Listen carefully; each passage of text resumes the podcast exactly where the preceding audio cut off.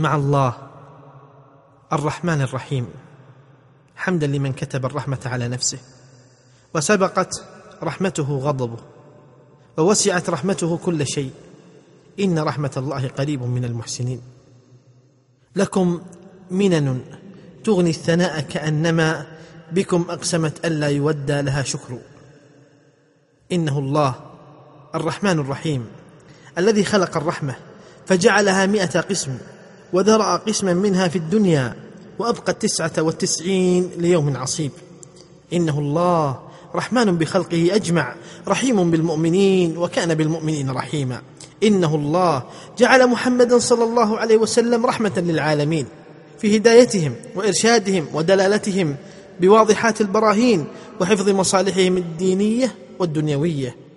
إنه الله لا ممسك لرحمته إلا هو ولا مرسل لها إلا هو ورحم الله عمر بن عبد العزيز إذ كان يدعو فيقول اللهم إن لم أكن أهلا أن أبلغ رحمتك فإن رحمتك أهل أن تبلغني رحمتك وسعت كل شيء وأنا شيء فلتسعني رحمتك يا أرحم الراحمين اللهم إنا أشياء فلتسعنا رحمتك مع الأشياء يا أرحم الراحمين إنه الله جل شأنا وحسبي إنه الله سلوتي في صلاتي.